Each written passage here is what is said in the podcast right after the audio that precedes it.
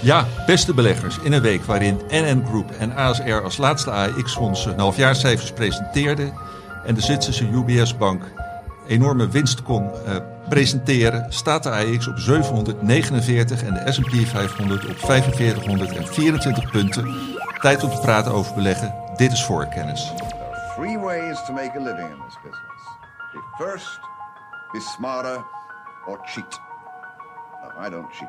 Beleggersbelangen presenteert Voorkennis. Ja, beste beleggers, leuk dat jullie weer luisteren. Ik ben Johan Brinkman, mag weer de presentator zijn. Ik zit hier met mijn collega's Karel Merks en Stefan Hendricks. Met dit duo behandel ik twee hoofdonderwerpen. Met Steffens bespreken we de nieuwe dividendbegroting voor de hoogdividendportefeuille die hij voor beleggersbelangen beheert. En met Karel gaan we in op de kansen van beleggen in waterstof. Een onderwerp dat uh, altijd veel fantasie oproept bij beleggers. Maar zoals altijd beginnen we met terugblikken. Stefan, wat is jou afgelopen week het meeste opgevallen? Nou, meerdere dingen, Johan. Uh, onder andere het enorme verlies van uh, Chinese Country Gardens, volgens mij, Karel. ik denk dat Karel er straks nog wel op terug gaat komen op wat er allemaal in China los is. Maar die van in ieder geval op. Een meervoud dus. Country Gardens. Gardens, ja, volgens mij. Zo heet het bedrijf? Of er zijn, want, uh, nee, zo heet het bedrijf. Zo heet het bedrijf. Zo heet het bedrijf. Okay, nee, maar ik dacht dat je, ik zag, een, uh, ik zag twee uh, noteringen geno genoteerd staan met de naam Country Garden. De ene was Country Garden puntje puntje en de andere iets anders, maar aan elkaar gelieerd waarschijnlijk. En, maar het bedrijf heet gewoon Country Gardens waar jij op, op doelt. En wat is daarmee aan de hand? Nou, die hebben een zwaar eh, verlies geleden, zoals wel meer Chinees vastgoed. Dus ik verwijs je graag door naar, naar Karel, die er ongetwijfeld meer over weet, zo direct. Maar mij viel het gewoon even in de marge op, net als het bericht van um, Marks Spencers dat die weer terug gaan komen in de uh, FTSE 100. Uh, zag ik vanmiddag op de website van de Financial Times. Volgens mij koersen afgelopen 12 maanden, denk ik, met 86% of zo opgelopen. Dus die zijn weer terug. Een beetje van die iconische namen die dan weer terugkomen in zo'n index. Dat vind ik op zich wel grappig. Niet dat het heel erg veel toe doet. Uh, maar dat geldt niet voor het derde uh, terugblik onderwerp, het echte terugblik onderwerp dat ik heb. En dat gaat over het Deense Ørsted. Um, een uh, duurzaam nutsbedrijf, denk ik wel bij veel van onze luisteraars bekend. En die verraste de markten woensdag met een pakket afschrijvingen van in totaal 16 miljard um, Deense kronen. Um, dat is ongeveer 2,2 eh, miljard euro, net niet. Uh, dat pakket afschrijvingen bestond eigenlijk uit uh, drie delen. Dus 5 miljard had te maken met um, problemen bij de toeleverketen. Want die afschrijvingen hebben namelijk allemaal, zijn die op Amerikaanse offshore windprojecten. En dat zijn tamelijk complexe projecten waar heel veel partijen bij betrokken zijn. Nou, die partijen kunnen niet allemaal op tijd leveren. Zoals denk ik iedereen weet die uh, al een beetje de cijfers volgt van onder meer een uh, Vestas of een uh, Siemens Energy. Nou, daar heeft dus Ørsted, want dat is natuurlijk een partij die die windparken uiteindelijk exploiteert of doorverkoopt, die heeft daar last van. Die zegt, nou dat zou ons wel eens um, ehm, 5 miljard kroon kunnen kosten. Aan afschrijving overigens hebben we het dan over, hè, op, die, op de waarde van die projecten. Uh, en dat komt omdat, onder meer omdat er, uh, nou, als die projecten later opgeleverd worden, komt er natuurlijk ook later omzet. Dus dat is één ding. Het tweede is, is dat uh, Ørsted kennelijk ook verrast is door um, belastingwetgeving in de VS. Dus die offshore windprojecten, die krijgen allemaal bepaalde tax credits, zoals dat heet, hè, belastingvoordelen. Um, was kennelijk uitgegaan van een bepaald percentage van 40%. Sommige projecten daarvan krijgen slechts 30%. Ørsted is nog in onderhandeling met de Amerikaanse overheid erover. Maar als ze daar niet uitkomen, dan uh, levert dat weer een afschrijving op van uh, eh, 6 miljard kroon. Dus dat is al stevig. En dan de derde, de meest simpele uh, en misschien ook al meest voor de hand liggende. Dat is dat door de gestegen lange rente de kosten natuurlijk van die projecten ook toenemen. En dat zorgt ook nog eens voor een afschrijving van uh, 5 miljard kroon. Dus alles bij elkaar, het hele pakket, maximaal 16 miljard kroon. Gevolg aandeel uh, min 24,5 procent. Gisteren, woensdag, hebben we het dan over. Trok ook een groot deel van de sector mee. Dus ook uh, RWE, waar ik zelf een uh, positie in heb, ging een procent of drie, vier onderuit. EDPR, dus de duurzame dochter van het Portugese EDP. Maar ook Vestas en Nordex, dus de, de leveranciers van windmolens. Die kregen ook een tik mee. Ehm, ja, en wat denk ik beleggers toch wel zo teleurstelde in uh, is dat um, in juni was er nog een Capital Markets Day. Uh, 10 augustus waren de halfjaarcijfers. Daar kwamen dit soort zaken allemaal niet aan de orde. Nu is het um, uh, 31 augustus vandaag dat we spreken. Dus gisteren 30 augustus dat dat bericht dan door de markt verwerkt kan worden. Ja, en opeens is dat er dan. En dat roept natuurlijk wel wat vragen op over hoe die offshore windprojecten dan zijn. En um, ik moest toen ook onmiddellijk weer terugdenken aan de eerste uh, analistenbijeenkomst. Die werd gehouden door de nieuwe topman van Enel. En die werd ook nog gevraagd naar, uh, god gaan jullie ook nog wat, wat of wat meer doen in offshore windparken?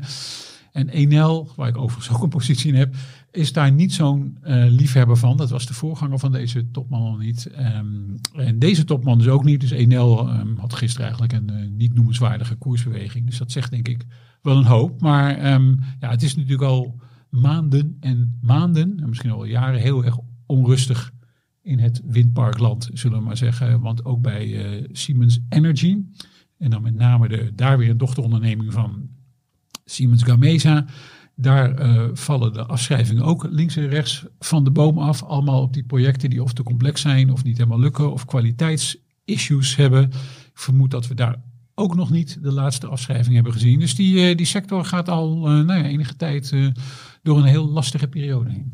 Ja, helder. En volgens mij is ook niet de eerste keer. Hè? Want ik kan me ook ja, jaren geleden al verhalen herinneren van hoge verwachtingen van beleggers over wind, alles wat met windenergie te maken hadden, die dan niet uitkomen. En uh, ja, wat resulteerde in kelderende koers.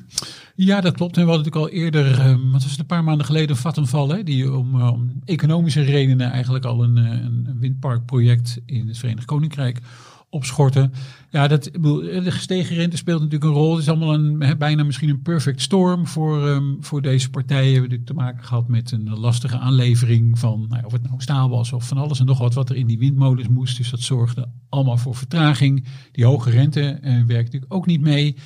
Ja, en er is soms ook onvoorstelbaar veel geld geboden bij die um, offshore windparkveilingen. Ja, dan moet je natuurlijk allemaal wel weer terugverdienen. En als je dan te maken krijgt met tegenvallers, dan hebben we het hier over echt ongelooflijk grote projecten. Uh, ja, dan, um, uh, dan werkt dat hard door in de koers.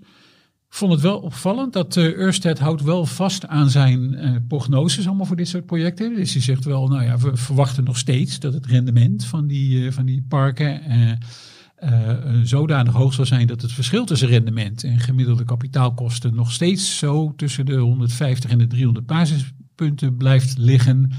En ook houdt Ørsted nog vast aan zijn um, verwachtingen voor het um, rendement op het ingezette kapitaal. Dat moet tussen 2023 en 2030 op zo'n 14% liggen.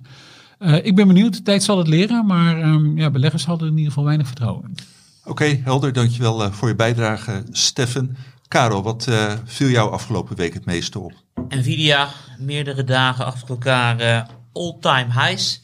Gaat echt heel erg snel sinds de cijfers van vorige week. Inmiddels een beurswaarde van 1200 miljard of 1,2 biljoen. Dus Nvidia stoomt hard op in de vaart der volkeren. Maar ik denk dan van laat ik eens kijken hoe andere goede sectoren presteren. En een van de sectoren die ik volg is uranium. En uranium, dus Chemico, de grootste mijnbouwer in de uraniumsector, heeft sinds de herfst van 2020 een rendement behaald van 280%.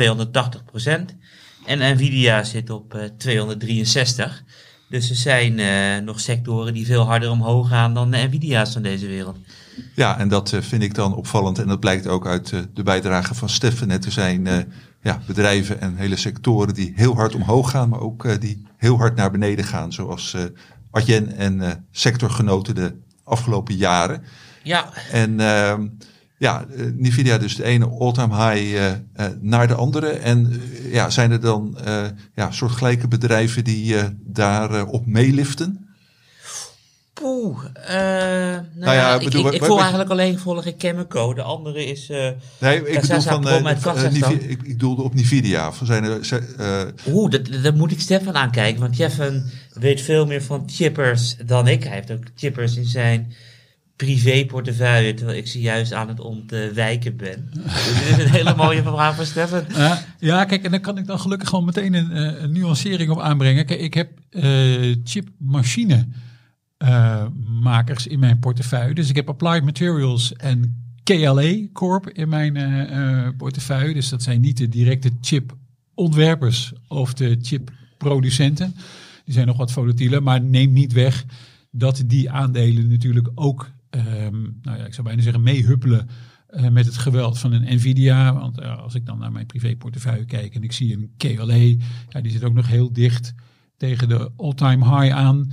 Ja, dat is geen toeval. Uh, dat heeft toch ook heel erg veel te maken met um, de, de AI, ja, hype trend, hoe je het wil noemen. Dus die, ja, die chipmachine makers natuurlijk een afgeleide van uh, wat er met bedrijven als een Nvidia gebeurt.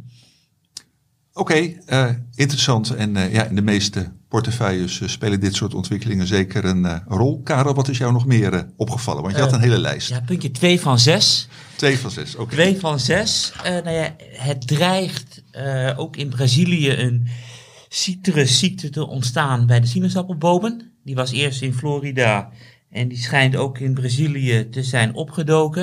Het gevolg is dat de prijs van frozen orange juice ja, weer een nieuw all-time high heeft bereikt.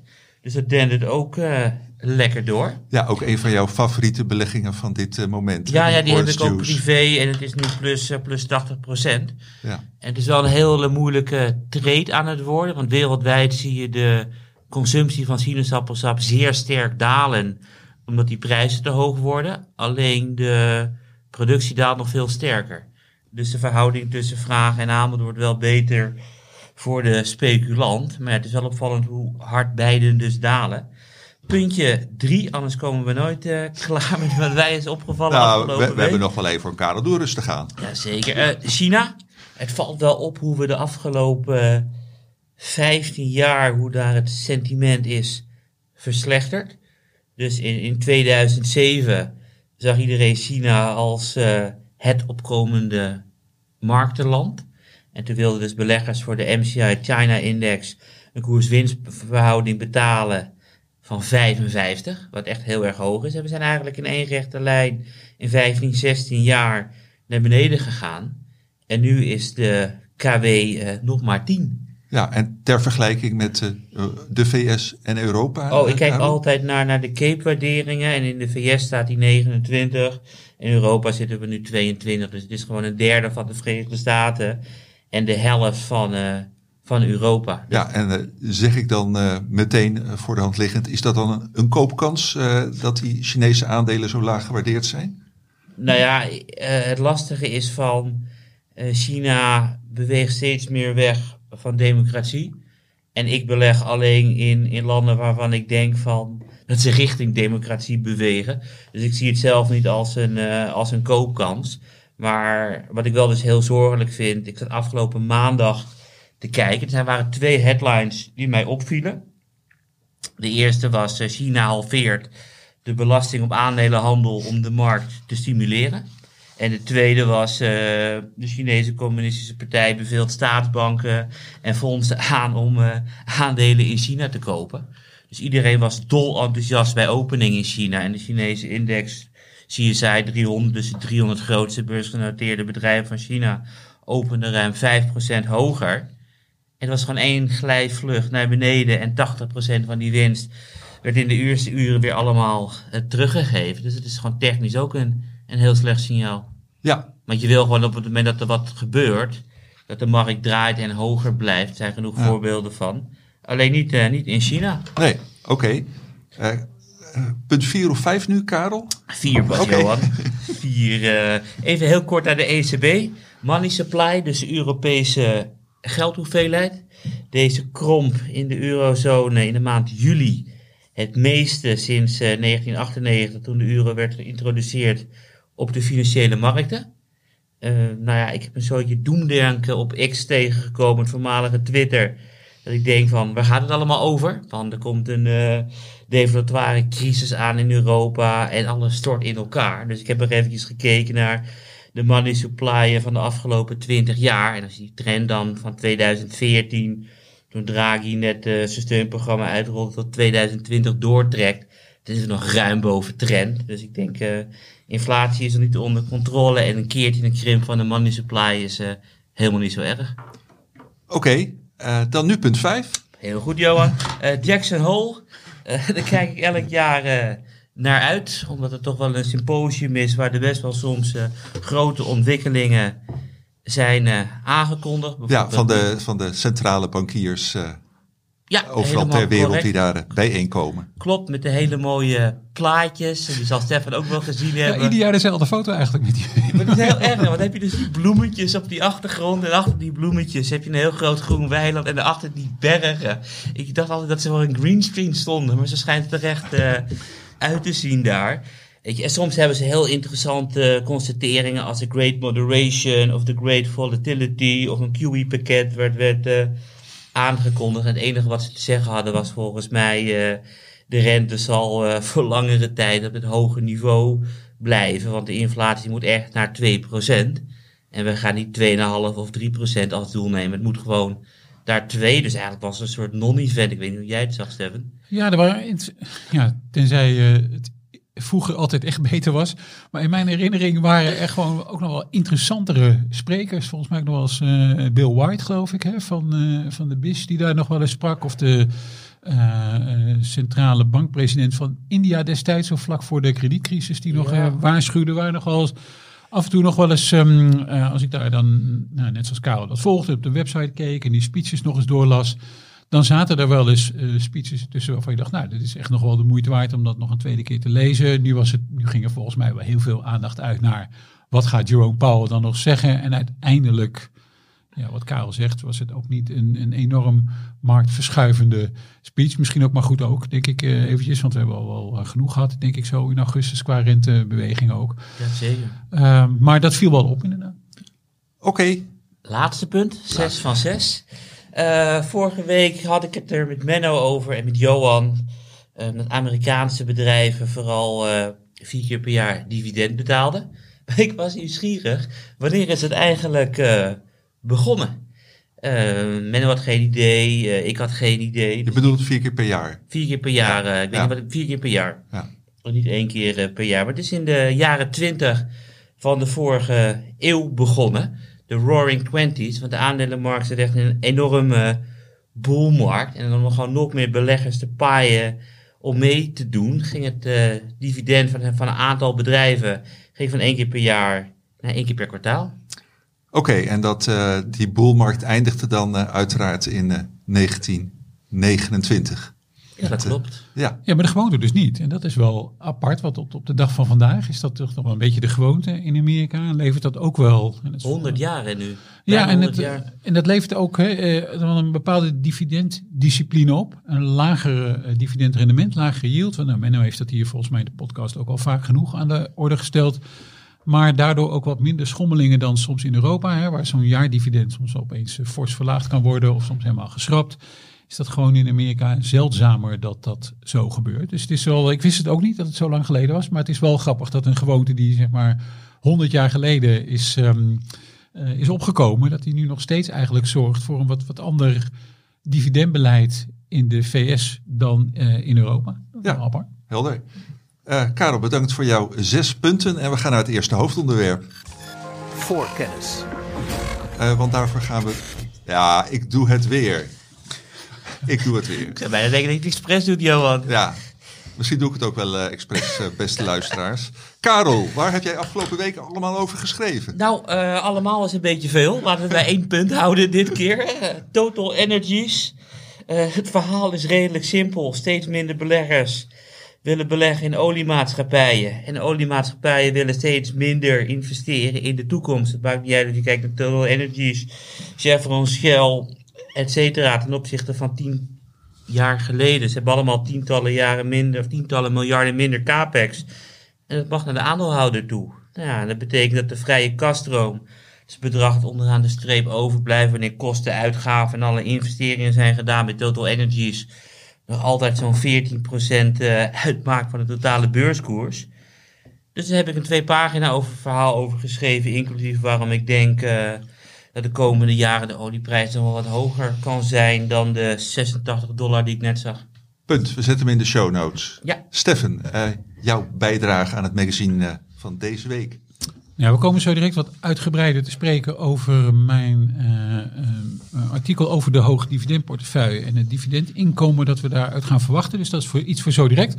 Eh, laat ik dan nog iets zeggen over mijn column Beurs en Economie. En die ging deze week over de eh, nieuwe medicijnmaatregel in de Verenigde Staten. Want onder eh, de vlag van de IRA, die Inflation Reduction Act, een eh, wet die bijna precies een jaar geleden is ondertekend door president Biden, ehm, is Amerika van plan uiteraard om zijn, net als in Europa, investeringen in ehm, verduurzaming van de economie op te voeren. Daar staat die wet voornamelijk onbekend, als je er wat over terugleest. Maar onderdeel van die wet was ook het terugbrengen van de kosten van de gezondheidszorg. Eh, en daar is afgelopen week, ehm, eigenlijk begin deze week, een flinke start meegemaakt. Wat betreft eh, de regering Biden. Want eh, zij willen dat Amerikanen minder gaan betalen voor hun geneesmiddelen. Amerikanen en ook de Amerikaanse overheid. Want onder het programma Medicaid, hè, dat is een, eh, een, ziektekostenverzekeringsprogramma, maar is heel lang worden gebruiken voor mensen van 65 jaar en ouder, wordt, een, ehm, eh, eh, wordt er straks een prijs onderhandeld door de Amerikaanse overheid, het ministerie van Volksgezondheid, met de farmaceuten. En onderhandeld klinkt een beetje alsof die farmaceuten daar dan nog een heleboel over te vertellen hebben. En dat gaat in de praktijk wel tegenvallen, want de Amerikaanse overheid gaat op een gegeven moment een zogeheten fair price vaststellen. En dan moet je als farmaceut wel hele goede argumenten hebben, wil die prijs afwijken. Anders wordt die gewoon ingevoerd. En als je dat niet wil als farmaceut, nou ja, dan kun je twee dingen doen. Dan kun je eh, nog steeds je prijs proberen zo te houden. Maar dan krijg je te maken met een soort accijnsbelasting. Of als je het helemaal niet mee eens bent, dan staat het je altijd vrij om het medicijn uit dat Medic-programma eh, terug te eh, Ja, dat is natuurlijk slecht nieuws eh, voor jou als farmaceut. Ehm, tien medicijnen zijn nu genoemd, waarvan de prijzen heronderhandeld gaat worden. Waarvan eh, het grootste medicijn is Eliquis. Eh, dat wordt via Medicare door eh, zeven- 3,7 miljoen Amerikanen gebruikt.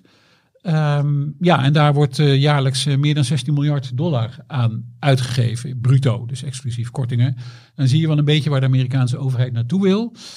Die koersen van die farmaceuten die deden eigenlijk helemaal niet veel op, ehm, op dinsdag, afgelopen dinsdag, toen dat nieuws naar buiten kwam met die lijst. ehm, was niet helemaal verrassend, ook niet welke medicijnen erop stonden. Wel een paar, Entresto van eh, Novartis was wel een verrassing bijvoorbeeld. Maar een aantal andere had iedereen ook wel verwacht. Ehm, maar ik denk wel dat ondanks dat het nu niet zoveel deed met die koers, dat het wel iets is, ook voor mijzelf als eh eh, pharma-belegger en eh, als, eh, ja, ook als pharma-privé-belegger, zullen we maar zeggen. eh, ook wel iets is om rekening mee te houden, omdat het stopt niet hè, bij deze tien medicijnen eh, in de jaren 2027 en 28 en 29 en dan ook nog verder worden er ieder jaar 15 tot 20 nieuwe medicijnen op zo'n lijst gezet, waar de Amerikaanse regering dan opnieuw een prijs eh, voor gaat onderhandelen, eh, tussen aanhalingstekens. Ja, dat gaat wel, denk ik, zijn effecten hebben op, ehm, eh, op de omzet en winst van een aantal van die ehm, Amerikaanse en Europese farmaceuten. Nu viel het nog wel mee, ook omdat een aantal van die medicijnen die erop staan toch ook al dicht. Hè, op de lijst van 10 die nu gepubliceerd is, een aantal van die medicijnen zit al redelijk dicht tegen zijn eh, patentafloop aan. De nieuwe regels gaan dan ook pas in op 1 januari 2026. Dus er zit ook nog wel wat tijd tussen. Dus het is ook niet iets dat je zegt, nou vandaag op morgen is dat een eh, nekslag voor die farmasector. Maar langzaam maar zeker zullen we als beleggers daar rekening mee moeten gaan houden. En ook eraan gaan moeten wennen, denk ik, dat daar nieuws over naar buiten komt. Over hoe die onderhandelingen lopen, welke medicijnen eh, er wel of niet op zo'n lijst komen. Ik zag ehm, via artikel van eh, Bloomberg bijvoorbeeld al dat ook, ook Ozempic van eh, Novo Nordisk, hè, het, het, wondermiddel ehm, tegen diabetes, maar vooral natuurlijk bekend middel eh, tegen obesitas, misschien in 2027 op die lijst zou Ik kunnen zag komen. hem ook voorbij komen, dus dan pak ik meteen even de grafiek van Novo erbij. All-time high. Maar ja, dat zeg ik nu, is het nog eigenlijk niet... eh, ehm, Nee, maar het is meer gewoon om het aan te geven van op het moment dat je aandelen naar de hoogste koers ooit duwt, ehm, hoe nonchalant beleggers eigenlijk zijn. Of ongeschillig dat ze denken het zal allemaal wel. Ja, en Novo Nordisk zit met dat Ozempic nu ook wel in een soort fantastische periode. Want het is echt niet aan te slepen. Ze hebben zelfs uh, Thermo Fisher moeten vragen om nog extra productiefaciliteiten open te zetten om maar uh, te kunnen blijven produceren. Daar ben je ook blij mee waarschijnlijk. Daar ben ik ook blij mee uh, in de portefeuille. Dus dat gaat ook prima verder. Um, en natuurlijk komen ook nog die uh, farmaceuten individueel, juridisch in het geweer tegen deze nieuwe wet. En ook de brancheorganisatie um, in de VS gaat dat ook nog doen. maar het betekent wel dat het, nou ja, het is iets, een soort nieuwsbron waar we de komende jaren als beleggers in farmaceuten rekening mee moeten gaan houden. Oké, okay, helemaal Top, we gaan hem in de show notes zetten. Voorkennis. Nou, Stefan, je introduceerde het zelf al, de hoogdividendportefeuille en uh, ja, de nieuwe dividendbegroting voor het uh, net aangebroken, uh, nieuwe gebroken boekjaar, wat, die jij ja, hebt opgesteld en die deze week ook in ons magazine staat. Wat, wat kun je vertellen over die begroting? Wat zijn ja, belangrijkste lijnen daarin? Ja, dus het, eh, het, boekjaar van die portefeuille loopt altijd van 1 eh, juli tot en met 30 eh, juni van het volgende jaar. Dus we hebben inderdaad, zoals je al terecht zei, een gebroken boekjaar. en aan het begin van ieder boekjaar maak ik een begroting van wat ik denk dat we in de portefeuille als dividend zullen ontvangen in dat boekjaar. En de doelstelling is altijd natuurlijk uh, minimaal 4% dividendinkomen van de portefeuillewaarde. En we zijn begonnen zes jaar geleden met een um, uh, portefeuillewaarde uh, 100.000. Die is nu ongeveer 117.000. Dus dat betekent dat de 4% daarvan ook iedere keer een wat hoger inkomen is. Nou, vorig jaar hadden we een topjaar. Allerhoogste dividendinkomen ooit. Ruim 55, uh, 15 euro. 5515 euro. Uh, in totaal een paar meevallertjes zaten daar wel in, moet ik, er, uh, uh, moet ik erbij zeggen. Hadden onder meer een extra dividend van totaal. En we hebben een portefeuillewissel gedaan, waardoor een, een deel van het dividend van Liondel Basel, dat we in portefeuille hebben, die netjes per kwartaal uitkeren, zoals het Amerikaans fonds betaamt. Dat viel nog net in juni, dus in het oude boekjaar en niet meer in het nieuwe boekjaar. Um, Begroting gemaakt. Uh, dit jaar verwacht ik op ongeveer 5200 ruim uit te komen. En dat is een redelijk conservatieve begroting. Dat doe ik eigenlijk altijd aan het begin van het jaar. Uh, conservatief eigenlijk op twee punten. Eén, uh, op de dividendgroei van de bedrijven die in de portefeuille zitten. Van de 20 bedrijven zijn dat. En ten tweede ben ik altijd een beetje voorzichtig met de dollar-euro koers. Uh, afgelopen jaar uh, leverde uh, iedere dollar aan dividend ongeveer 95 eurocent omgerekend op. Nou, ik ben in de, in de prognose maar eens uitgegaan van 85. Um, ehm, gewoon even voor alle zekerheid om even te zien nou, hoe ver het kan zakken en wat dat dan doet voor de portefeuille. Um, dividend wel wat lager. Uh, nou, dus naast dat, uh, dat, dat extra dividend van totaal, wat we niet meer uh, gaan krijgen, vermoed ik in december van dit jaar. en een wat lagere dollarkoers speelde ook nog een mutatie daar een, um, een rol. We hebben Bas uit de portefeuille gegooid. En de trouwe luisteraars van de podcast zullen weten dat ik me de uh, afgelopen maanden regelmatig uitgelaten heb over twee aandelen uit de hoogdividendportefeuille. Waarvan ik dacht, oh oh, als dat maar goed gaat. De eerste daarvan was Enel, nou dat is allemaal prima. Tweede was Bas F, dat was uiteindelijk ook prima. We hebben keurig die 3,40 euro per aandeel gehad. Niettemin, aandeel wel uit portefeuille gegooid, omdat als ik kijk naar de ontwikkeling van de vrije kaststroom bij Bas F en de investeringsbehoefte eigenlijk die je bedrijf heeft, heb ik nog steeds wel twijfels over de houdbaarheid van dat dividend. En ik heb liever niet nog een keer een jaar een, eh, een aandeel in portefeuille waar ik heel erg over moet gaan twijfelen. Dus die hebben we vervangen door Leondel Basel. Um, ja, en uiteindelijk hebben we een, uh, nou, niet superveel dividendverhogingen uh, alvast meegenomen. Ik ben vrij conservatief geweest, dus bij onder meer um, en Allianz en Münchener, Ruk en Pfizer ben ik eigenlijk uitgegaan van een gelijk gebleven dividend. Terwijl ik nou, eigenlijk in mijn achterhoofd wel een beetje vanuit ga dat dat dividend verhoogd wordt. Alleen weet ik gewoon nog niet met hoeveel, dus dat heb ik maar even zo gelaten. Uh, maar er zaten ook alweer een paar meevallers in en die heb ik al wel uh, verwerkt. Dus um, ehm, BAE eh, Systems verhoogde begin augustus het interim dividend met 10,6% Dat was een, een mooie meevaller. Dan hadden we Ahold Delhaize een weekje later plus 6,5% interim dividend. Ook een meevaller. En deze week, zoals Johan volgens mij in de inleiding al zei, en N-Group, dat was helemaal een meevaller, want dat is veruit de grootste bijdrager in de hoogdividendportefeuille. 12% hoger interim dividend. Dus dat was heel erg goed nieuws voor mijn portefeuille. Um, maar goed, het gaat natuurlijk uiteindelijk om, om houdbaarheid. Hè? Um, wat ik al gezegd heb, vorig jaar was het OEO, uh, BASF en NL als dat maar goed gaat. Nou, NL, nou, dat loopt eigenlijk goed. Nieuwe topman heeft het dividendbeleid bevestigd. Schuldafbouw is eigenlijk zoals ik dat zou willen. Dus dat gaat de goede kant op. Maar toen kwam er een vraag van een, um, een luisteraar naar de podcast. En die had um, wel een twijfel misschien, of die sprak zijn twijfel uit over het dividend van Realty Income. En dat is een, uh, een real estate investment trust. Dat ook deel uitmaakt van de hoogdividendportefeuille. Het enige vastgoedaandeel dat we daarin hebben. Ja, dat aandeel uh, bespraken we hier uh, vorige week aan tafel. Karel en ik samen met, uh, met Menno. En daar kwam een, een leuke vraag over. Ja, en een terechte vraag. Want de vraag van Martin was natuurlijk van... Hey, kan dat eigenlijk wel goed gaan? Want het dividend per aandeel ligt duidelijk boven de winst per aandeel. En dat klopt. Want afgelopen jaar heeft Realty ongeveer 2,97 dollar per aandeel uitgekeerd aan dividend. En de winst per aandeel lag op 1,42. En als je dat bekijkt, dan denk je, oh, dat is wel vreemd. Um, dat is een heel royaal dividendbeleid. Dat is een heel royaal dividendbeleid. En als je dan het jaarverslag uh, erbij pakt bij, um, uh, bij Realty, dan ziet dat er ook nog wel uh, best gek uit. Want um, Realty is heel erg trots op zijn track record. Hè. Het is de, de, de monthly dividend uh, company. Dus dat is echt, ze zijn heel erg uh, ontzettend trots op. Het is ook een dividend aristocrat. 29 jaar op rij dividend verhoogd. En als je dan uh, helemaal aan het begin van het jaarverslag zit, dan zie je daar ook netjes staan wat er sinds 1994, sinds zij een notering hebben aan de New York Stock Exchange, wat daar is gebeurd. Um, dus is het winst per aandeel jaarlijks met 3% ruim gestegen. En het dividend per aandeel jaarlijks met ruim 4,3 procent. En dat bevestigt eigenlijk wel een beetje de vraag van Martin: van wat is hier los? Hoe kan je nou jaren meer uitkeren dan je verdient? Uh, dus reden genoeg, denk ik, voor om nog iets dieper in te gaan op het bedrijf Realty Income. En dat was eigenlijk wel leuk om dat uh, weer eens te doen. Dat was voor mij ook al een tijdje geleden dat ik er zo diep was uh, ingedoken.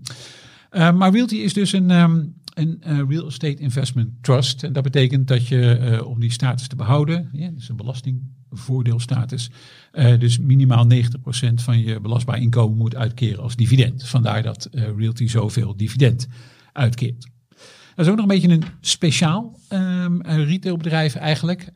zij zijn een, um, een partij die voornamelijk panden verhuurt aan, aan één enkele uh, huurder. Dus niet grote winkelcentra waar van alles en nog wat in zit. Wat je bijvoorbeeld bij een, uh, een, een Unibuy uh, ziet. Hè? Die enorme winkelcentra, zo'n Westfield of zo. Dat doen zij niet. Ze hebben een single occupier, zoals ze dat dan noemen. dat is eigenlijk hun terrein. Het is ook voornamelijk retail. Dus um, je ziet alle grote bekende Amerikaanse retailnamen wel langskomen bij ze. Dus Dollar General, die hadden vandaag trouwens wat minder goed nieuws slecht ontvangen tweede kwartaalcijfers, maar dat terzijde. En ook een Walgreens en een FedEx, allemaal dat soort eh, partijen hebben zij um, uh, uh, als huurder. Het ziet er verder allemaal heel erg goed uit, want de bezettingsgraad is 99 procent. Ze hebben ook gemiddeld vrij langlopende huurcontracten van een, een, een jaar of tien. Um, maar ja, nu dat gezegd hebben allemaal, is nog steeds de vraag natuurlijk niet opgelost. Hoe kan dat nou, dat ze zoveel dividend uitkeren? Nou, dat komt omdat dat dividend wordt cash uitgekeerd en komt ook uit de cash. Dus uh, voor realty income is de maatstaf om te kijken of ze dividend überhaupt kunnen uitkeren, is die Adjusted Funds from Operations. Uh, AFFO, en dat is ook eigenlijk waar ze op sturen. En die is sinds uh, 1994, of ik moet zeggen tussen de 94 en 2022 met jaarlijks 5,3% gestegen. En dan snap je waarom dat dividend iedere keer een beetje kan stijgen. Omdat ze iedere keer wat meer cash per aandeel verdienen dan dat ze uitgeven. En het grote verschil tussen die twee, tussen netto winst en zeg maar even die, die, die funds from operations, je zou dat laatste een beetje kunnen zien als een wat aangepaste operationele cashflow. Het grote verschil daartussen zijn afschrijvingen op vastgoed. En die afschrijvingen, zoals we allemaal weten, die zijn eigenlijk non-cash. Dus dat is een item wat je niet daadwerkelijk uitgeeft, maar wat wel natuurlijk in de netto winst uh, tot uitdrukking komt, maar dan weer niet in je cashflow van operations. En dat levert een heel groot verschil op, want de netto winst van Realty afgelopen jaar was ongeveer 896 miljoen dollar. En als je dan gaat kijken naar die adjusted funds from operations, die aangepaste operationele cashflow, om maar zo te noemen, die lag op ruim 2,4 miljard. Uh, en uiteindelijk is er 1, um, nou zeg maar 1,8 miljard aan dividend uitgekeerd. Dus ongeveer drie kwart van die funds from operations, van die operationele cashflow, is uitgekeerd als dividend. En dat denk ik lost het raadsel wel een beetje op waarom Realty dit kan volhouden. De, vraag, de volgende vraag is dan, kunnen ze dat dan volhouden? Want er speelt natuurlijk ook nog wel wat in die retailsector. Um, financiering bijvoorbeeld. Uh, dus de rente loopt op. Korte en lange rente loopt op. En ja, daar heeft de realty income wel last van. Um, de gemiddelde rentevoet op de uitstaande schuld van uh, dik 16 miljard is nu nog ongeveer 3,2 procent. Dat zal wel wat oplopen. Maar de gemiddelde resterende looptijd is ook nog 6,7 jaar. En 92 procent van die schulden hebben een vaste rentevoet. Dus dat, dat geeft al wel een beetje een, een zekerheid. Waar ik wel de komende tijd op ga letten is um, hoe uh, de, de investment spread, zoals Realty Income dat noemt, zich gaat ontwikkelen. Dus Realty heeft een, um, een rekenmodel waarin ze zeggen, nou, aan de ene kant hebben we de kosten van ons kapitaal. En die bestaan natuurlijk uit twee dingen. De kosten van je eigen vermogen, en het dividend natuurlijk wat je uitkeert. En de kosten van het vreemd vermogen. Nou, een van de inputs om die kosten van het vreemdvermogen te berekenen, dat is natuurlijk de lange rente in de VS, hè, de tienjaarsrente al daar. Dus op het moment dat die stijgt, stijgen ook um, je financieringslasten. En dat betekent dat mogelijkerwijs het gat tussen de, hè, de, de, het rendement dat je maakt met je vastgoedbeleggingen en de kosten die je maakt, de financieringskosten die je maakt om die beleggingen aan te kunnen kopen, dat die wat gaat krimpen nu nog niet heel veel van gemerkt, want dat gat tussen die twee, hè, tussen dat rendement en die kapitaalkosten, die lag over 2022, was dat positief 112 basispunten, hè, dus ruim 1,1 procentpunt. Dat was uh, eind tweede kwartaal was dat ruim 1,3 procentpunt, dus 133 basispunten. Dus dat lijkt op zich allemaal nog wel goed te gaan. Je zag wel dat Realty de, uh, zijn, zijn totale verwachting voor die uh, funds from operations aandeel, want nogmaals, dat is toch wel echt het belangrijkste waar dat bedrijf op stuurt, een heel klein beetje uh, naar beneden aanpaste. Dat we zeggen, de ondergrens ging een paar cent omhoog en de bovengrens van de uh, verwachting ging een paar cent omlaag. Uh, dus het is wel degelijk een positie om rekening mee te houden. Want ja, ik zei net al even tussen neus en lippen door. De resultaten van een Dollar General, die waren niet zo best. En dat is met ongeveer 4% van de totale huurinkomsten de, de grootste partij. De grootste tegenpartij, zullen we maar zeggen, van Realty. Dus het is echt wel wat om in de gaten te houden, die Amerikaanse retailsector natuurlijk, want daar gaat het best lastig. Dus ik blijf Realty ook wel volgen, maar voorlopig ziet dat het dividend er goed uit. Ze hebben ook een hoge credit rating voor, vind ik, voor een vastgoedbedrijf. E A bij Standard Poor's met stabiele vooruitzichten. Dus het ziet er tot nu toe allemaal nog goed uit. Uh, de verklaring ook daar, waarom Realty zoveel dividend kan uitkeren. Maar um, het is in ieder geval een, eh, een, een aandeel dat, um, uh, dat ik ook zeker in de gaten houden de komende tijd. Ja, nou, uh, en leuk dat je het zo hebt uitgediept, Steffen. Ik denk dat dat heel inzichtelijk is, niet alleen voor de vragensteller, maar voor iedereen. En ja, ik begrijp dat het woord twijfel, wat jij vorig jaar had met betrekking tot Bas F. en, en Enel tot een gegeven moment, dat je dat nu niet op Realty wil plakken. Zijn er andere uh, fondsen uh, waarvan je zegt, nou ja, weet je, dit nu net begonnen boekjaar, ja, daar heb ik toch wat twijfels over? nee, eigenlijk voel ik me toch wat, dan zou je net zien dat het dit jaar heel lastig wordt natuurlijk, maar eigenlijk voel ik me wat, nog wat zekerder dan vorig jaar, waarin we dan een, een absoluut recordinkomen behaalden met de portefeuille, gek genoeg. Realty, wat ik zei, is er wel eentje in de, om in de gaten te houden, omdat die, de dividendverhoging, hè, dat is sowieso natuurlijk niet de kracht van dit concern. Hè, dat uh, over uh, een periode van, het is een kleine 20 jaar, gemiddeld 4% per jaar. Dat is, dan hebben we het niet over een, uh, een enorme dividendgroeier. maar um, het, het aantal verhogingen bij Realty neemt de afgelopen jaren wel ietsje af. Dat zegt natuurlijk wel iets, hè, wordt het ietsje krapper. Dus dat, dat verbaast mij dan ook niet in dit, in dit renteklimaat en, ehm, en in dit retailklimaat. De andere waar ik wel wat meer naar kijk is Aperam. En eh, dat is een eh, bedrijf dat verder een prima dividendgeschiedenis heeft. Wat mij betreft ook een heel erg helder dividendbeleid. Uh, maar natuurlijk niet in de meest makkelijke sector. Ehm, schuldpositie is heel erg belangrijk om het dividend daar te kunnen handhaven. Dus dat is van een, een, een positie waar ik wel wat, wat veel aandacht aan moet besteden. Omdat het is ook een van de, uh, de, de, aandelen met het hoogste dividendrendement. We zitten denk ik zo, lopen zo denk ik tegen de 8% uh, nu aan. Dus niet ehm, altijd een gunstig teken. Zeker niet altijd een gunstig teken. En uh, vooral ook niet als dat een gevolg is natuurlijk van een, uh, zoals dat meestal is, van een koers die uh, teruggevallen is. Dus Abraham heeft ook wel een, als je dat even bekijkt, sinds het aandeel in portefeuille zit, hebben we in diepe dalen en hoge toppen gezien, zal ik maar zeggen. En zijn we nu met de koers ongeveer weer terug, denk ik, op het niveau waar ik ooit Abraham met een dividendrendement van destijds, moet ik een beetje graven, geloof ik 5,7% in portefeuille heb genomen. Dus ja, een positie wel om in de gaten te houden. Maar verder eigenlijk uh, ligt het er wel goed bij, uh, moet ik eerlijk zeggen. En zit ik ook niet in, in, in veel retailsectoren, waar nu uh, behalve Ahold Delhaize, maar nogmaals, dat is um, wel een ander soort retail en met een verhoging al van het interim dividend. Nee, ik zit er um, redelijk kalmpjes bij. Neem niet weg dat ik al wel her en der naar alternatieven natuurlijk aan het zoeken ben. Dan was ik het alleen maar. een vraag over uh, de alternatieven, Stefan. Oh jee. Want toen jij vijf jaar geleden begon, was de rente nul. Dus dan moest je echt een hoog dividendstrategie doen om 4% rendement te maken. Als je nu kijkt in de Verenigde Staten is de korte rente bijna 5,5.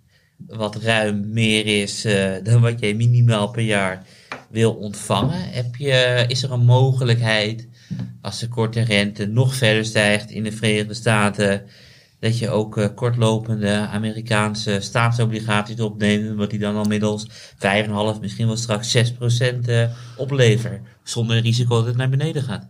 Hmm, dat is interessant. Nou, kijk, het is natuurlijk een aandelenportefeuille. Dus ik, en daarom de, vraag ik wat de mogelijkheden zijn en de restricties. En... Nou, ik zie het om meerdere redenen niet zo snel gebeuren, wat wel een goede en terechte vraag is, vind ik. Um, ja, de, de, de, de korte rente, uh, dat is natuurlijk al, altijd een wat gevaarlijker iets, omdat die ook nog wat variabeler is natuurlijk. Dus die kan ook eventueel weer omlaag. Um, ik heb niet de behoefte ook nog om heel veel dollarposities extra de portefeuille in te slepen. Levert ook weer een valutarisico op. Dus een, uh, een zeg maar 4, 5 procent uh, dollar rendement. Ja, dat moet ik altijd weer om gaan rekenen. En ik probeer met dat dividendinkomen wel een, nou, toch al een, een, redelijke consistentie te bereiken. En dat doe ik ook door redelijk wat in euro's te hebben. En in ieder geval te zorgen dat ik daar niet al te veel fluctuaties in heb. En langer lopende obligaties zijn natuurlijk sowieso um, een beetje uit den boze. Want dan ga je kijken naar effectief rendement.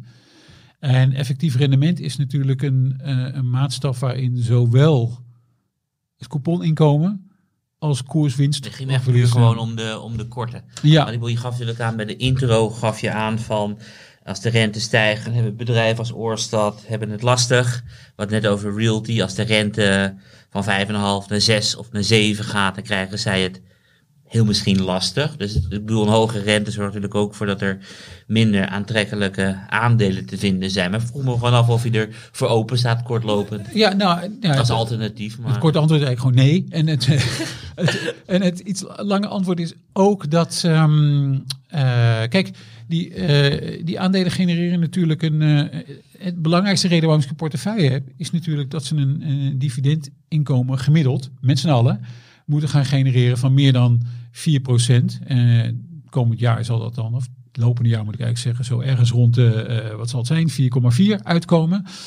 Het dividend kan ook stijgen. Hè, van die, en ik heb nu eigenlijk alleen al maar meevallers gehad. Want uh, ik heb natuurlijk al een aantal aandelen genoemd, hè, waarvan het interim dividend is opgelopen. Maar eerder zijn al plannen van 1L en Orange en Totaal, jou wel bekend, uh, bekendgemaakt waar het dividend ook al stijgt. En daarom wil ik die aandelen eigenlijk ook wel in portefeuille houden, omdat ik dan gewoon ook iedere keer nog net wel ook van die dividendstijging kan uh, mee profiteren. En, en een korte rente eh, is mij dan eigenlijk nog, ook nog te volatiel. Want stel nu dat de inflatie wel heel erg terug zou vallen en centrale banken beginnen wel een ander beleid te voeren, dan loopt die korte rente ook heel erg snel af. Die loopt natuurlijk veel verder eh, en sneller af in dat geval dan bijvoorbeeld een AppV met zijn dividend. Want dat zal gewoon gehandhaafd blijven of verhoogd gaan worden dan. Dus vandaar dat ik eigenlijk die portefeuille zo heb ingericht. En ja, tot nu toe uh, gaat dat ook goed. En als ik naar de portefeuille kijk, dan denk ik ook wel dat we dit jaar weer um, onze doelstelling gaan halen. Ja, nou, we gaan er ongetwijfeld uh, in de loop van het uh, nu net begonnen boekjaar op terugkomen. Dankjewel, Steffen. Voor kennis. Dan nu iets heel anders. Beleggen in waterstof. Karel heeft zich daarin verdiept en ik ben heel benieuwd welke kansen je ziet, Karel. Ja. Of dat je kansen ziet. Dat is misschien nog een betere vraag. Maar ja, ik, neem het woord. Ik dacht ruim een jaar geleden dat ik kansen zag. Maar op het moment dat ik denk van ik weet eigenlijk helemaal niks van die sector. Dan zoek ik altijd iemand op die het veel beter weet dan ik. En dan vraag ik om advies. Dus ik heb contact opgenomen met de beheerder van het JP Morgan Climate Change Solution Fund. En ik had een simpele vraag van moet ik uh, beleggen in waterstof? En, en hoe bepalen jullie of een technologie aantrekkelijk is om in te beleggen? En ze had eigenlijk een zo duidelijk antwoord dat het me wel gefascineerd heeft. Want de techno, iedereen die technologie interessant vindt, kent natuurlijk de S-curve.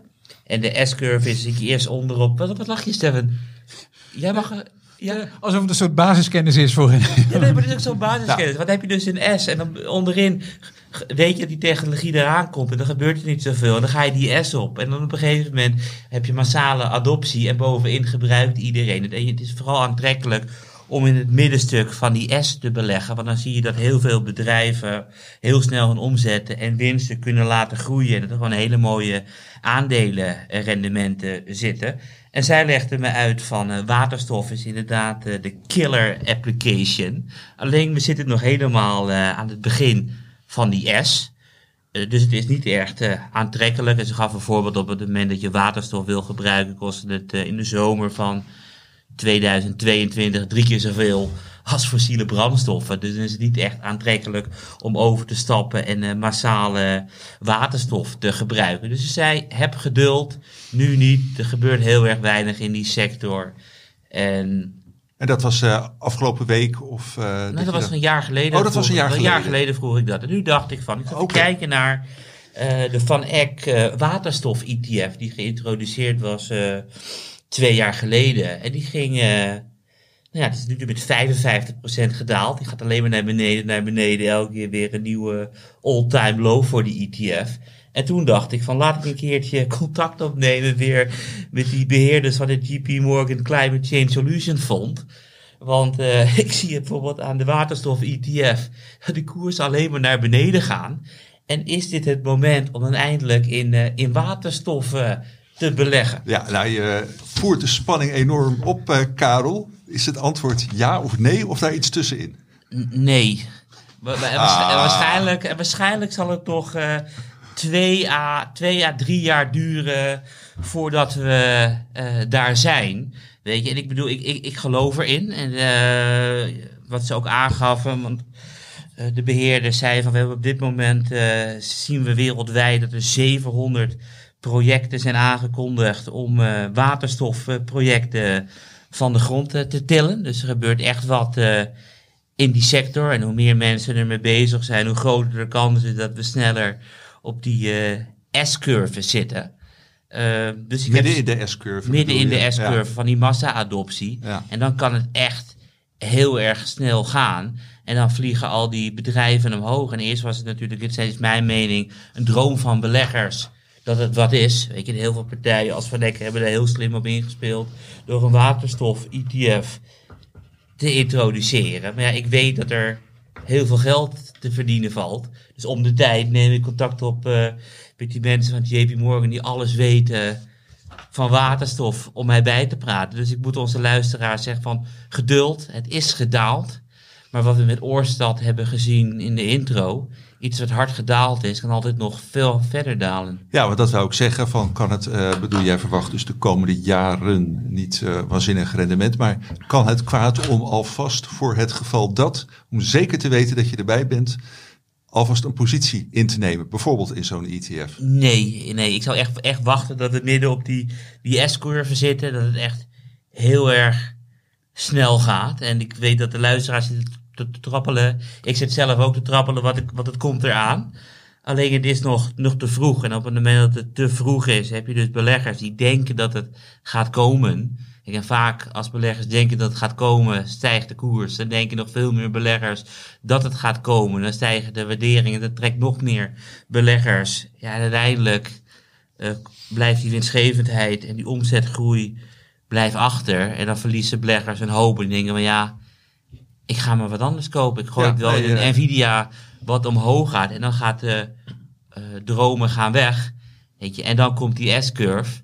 En dan schrikken beleggers van de mooie omzetcijfers. En dan gaat het gebeuren. Ja, en want je, ja, je baseert je dan op deze uh, vertegenwoordiger van uh, dit JP Morgan fund. En uiteraard op je eigen gezonde beleggers. Ja, ja, ja, klopt, klopt. Maar dat is eigenlijk mijn, mijn hoofdstrategie. Dus ik weet die heel erg goed zijn in zaken. Dus bijvoorbeeld, uh, ik weet dat Stefan voordat de oorlog in Oekraïne begon, alles van defensieaandelen wist. En mij interesseerde het niet zoveel. Dus ik luisterde naar en dat was het. Toen brak die oorlog uit. Toen was het wel even kijken van, uh, meneer Hendricks, uh, welke defensieaandelen heb jij privé? Ja, dat laat me wel doorleiden, want ik wil alles in de gaten houden. Maar je kan natuurlijk nooit overal um, alles vanaf weten. Nee, dus maar heb je bijvoorbeeld ook, ook de beheerder van uh, de, of, uh, de, de, de mensen van, van ik gebeld die achter deze ETF zitten en die uh, ja, daar misschien wel een, een, hele andere visie op hebben? Ja, natuurlijk. Ze hebben een hele andere. Ik heb ze niet gebeld, maar ze hebben wel een hele andere visie. En ze hebben ook een hele mooie website die ik iedereen kan aanraden. Waar erin staat van wat waterstof is, hoe het uh, werkt, welke bronnen je in de gaten uh, kan houden. En zij geloven er echt, echt zeker in. Ja, nou, als het doekje voor het bloeden voor uh, de mensen van Van Eck, zullen we die link naar die pagina in de show notes zetten. Want dan, ja, daar staan uiteraard, neem ik aan, ook de bedrijven in ja, die... ja, ja, de topholdings. De topholdings. hebben, ja. ja, en voor ja, luisteraars die dan toch niet kunnen wachten, die kunnen zich daar dan in verdiepen eerst je huiswerk maken en dan als het gebeurt kopen. Dus daar ben ik, ik een heel goed advies. Ja, en uh, nu, uh, nu uh, wat jou betreft in ieder geval nog even niet. Stefan, deel jij de mening van Karel dat het nog te vroeg is voor deze sector? Nou, ik ben niet zo'n specialist in die, um, in, in die, een aantal van die specifieke um, ja, kleinere waterstofaandelen die op een gegeven moment ook ja, meegesurfd hebben, denk ik. Eh, het klimaat van de hege lage rente, waarin natuurlijk meer speculatieve aandelen heel erg goed hebben gedijd. Uh, dat is natuurlijk helemaal omgeslagen, waardoor dat type aandeel ook gewoon, ik zie het ook terug bijvoorbeeld in biotech of allerlei andere uh, technologische vernieuwingen, waar natuurlijk eerst heel veel goedkoop geld was. Uh, dan is het misschien makkelijk financieren. Zijn beleggers ook eerder bereid om dit soort aandelen in portefeuille te nemen. Maar ik heb zelf uh, al enige tijd een aandeel in portefeuille dat ook profiteert van uh, waterstof als die trend doorzet. En dat is Air Liquide, een van de werelds grootste producenten van industriële gassen.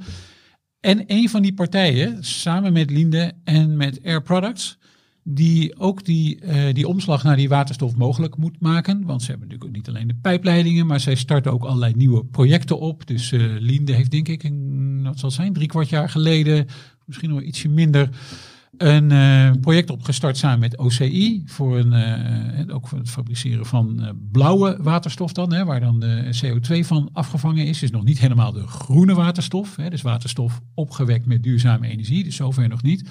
Maar al die projecten komen al wel op. En dat zijn echt flinke projecten. En als je kijkt naar de investeringsbudgetten die een Air Products, een Air Liquide en een Linde hebben over de komende jaren, dan zijn dat ook echt forse budgetten die dus ook gaan richting waterstof. Dat is wel degelijk voor dit soort bedrijven ook een, uh, een groeimarkt. Dus ja, als het goed gaat met waterstof, ja, dan, dan gaat het natuurlijk het hardste met de misschien uh, nu wat, wat kleinere of afgestrafte eh, waterstofaandelen, de, misschien de meer specialisten. Maar tot die tijd voel ik mezelf helemaal happy de peppy met mijn Air Liquide. En dan eh, profiteer ik er ook nog wel van mee. Zij misschien minder hard, maar in de tussentijd krijg ik ook geen hartverzakkingen van koersdalingen van eh 30, 40, 50 procent. Ja. Misschien in een jaar, want die ga je bij Air Liquide niet, eh, niet zo snel meemaken. Oké, hartstikke goed. Eh, dank je wel, Karel, voor dit eh, uitzoekwerk. Voor kennis.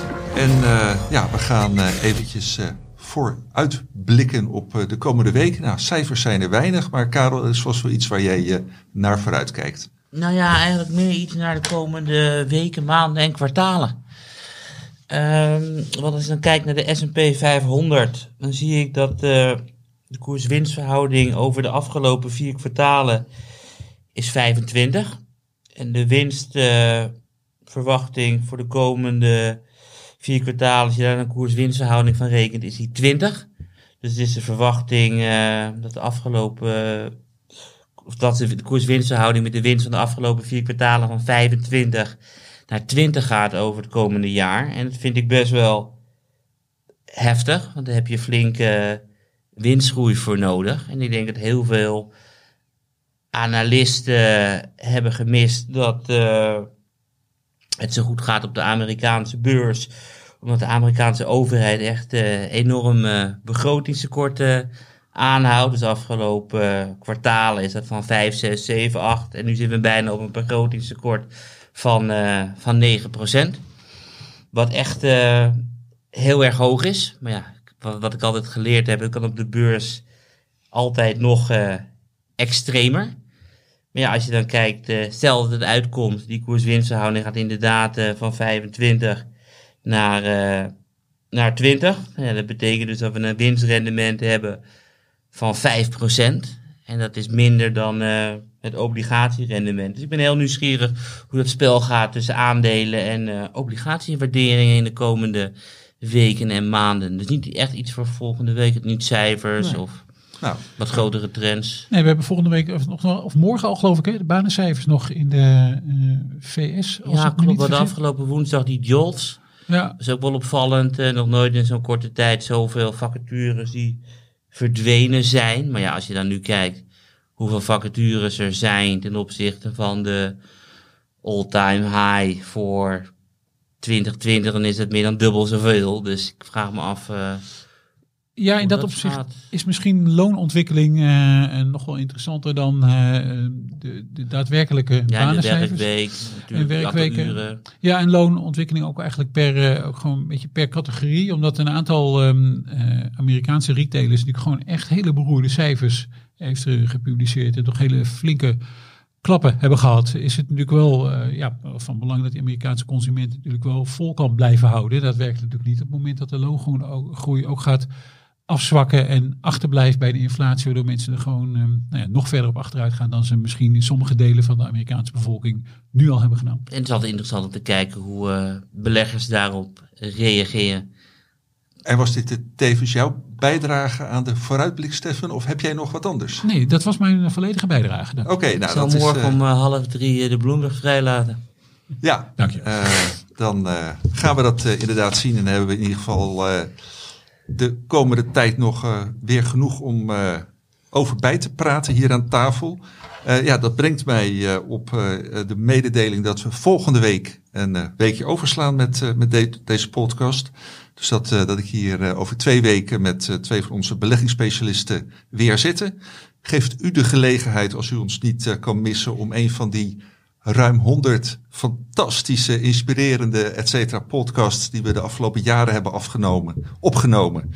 Ja, met name natuurlijk die van de laatste maanden, want die zijn nog steeds actueel. Om die eh, de komende week te beluisteren, kan ik eh, zeker aanraden. En ja, u te bedanken voor het luisteren en, en kijken. Eh, Karel, Steffen, jullie eh, bedankt voor jullie bijdrage. En eh, ja, mocht u trouwens de komende twee weken, net als de vragensteller over realty income, vragen hebben aan een van onze specialisten, mail ze naar voorkennis.beleggersbelangen.nl. En ga, ik, ga ik afsluiten met een dank en tot volgende keer.